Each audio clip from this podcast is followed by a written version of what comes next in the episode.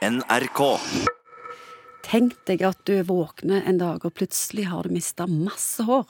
Store flekker viser seg i hodebunnen, og for hver dag mister du mer og mer. Øyenbrynene forsvinner òg, og til slutt har du ikke et hårstrå igjen på kroppen. Og for en kvinne er dette et mareritt, eh, Morten Munkvik. De har fått en tilstand som kalles alopesi. Ja.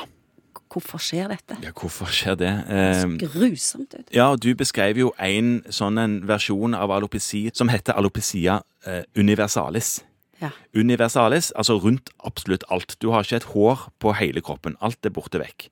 Det er jo ikke så vanlig som den litt mildere formen som heter alopecia areata. Da er det bare enkeltområder? Da er det flekker, eh, og det er stort sett flekker kun på hodet.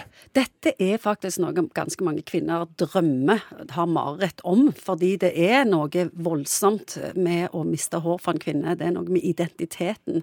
Ja, Har du og- hatt pasienter som har opplevd Ja, dette? dette er, ganske, dette er egentlig ikke så uvanlig. Nei, De, de, de kommer jo og lurer på hvorfor håret har falt av der, og så viser de fram, og der er det en helt hårløs eh, flekk. Så de lurer jo på veldig ofte om dette vil spre seg. Vil det bare bli verre og verre, og ende opp sånn som du beskrev, uten et hårstrå noe sted? Eller vil det stoppe nå? Og det er det ikke noe veldig godt eh, svar på. Man vet ikke nøyaktig alltid hvorfor det kommer. Det er en sånn autoimmun sykdom, som det kalles, hvor kroppen går til angrep litt på seg sjøl. I hårsekkene rundt omkring så vil det bli betennelsestilstander som gjør at håret ikke får grodd, og fabrikken, hårfabrikken legges helt brakk. Og så må man vente til det eventuelt begynner å gro igjen. Ja, for det kan skje at det begynner å vokse igjen. Det kan begynne å gro igjen, ja. Kjønn, alder, arvelig. Ja, mann og kvinne angripes ca. likt. Det er arvelige komponenter. Det går i familier. Er det eneste årsaken at det er genetisk?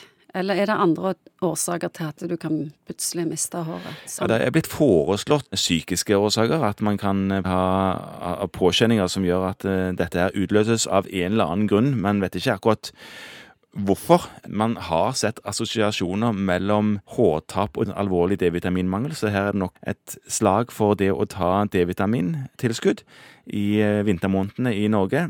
Så, så det er ikke mer håndfast enn det. Veldig ofte så er parykk løsningen. Men er det, har du andre løsninger? Nei, det er veldig sjelden man kan fikse dette med medisin. Jeg leste om kortisonbehandlinger og kremer og sånn. Man kan gjøre forsøk med betennelsesdempende medisiner og salver og sånn som det, men det er sj- sjelden, min erfaring i alle fall, at der kommer en veldig sjeldent eh, til målet. Kan vi trøste oss med at det er enormt fine parykker om dagen? Du kan trøste deg med det. Det er ikke så veldig mange sånne øyenbrynparykker, men, eh, Og jo, de kan du tatovere de, på nå om men det dagen. var det jeg skulle si. Det har jeg hørt du kan tatovere på.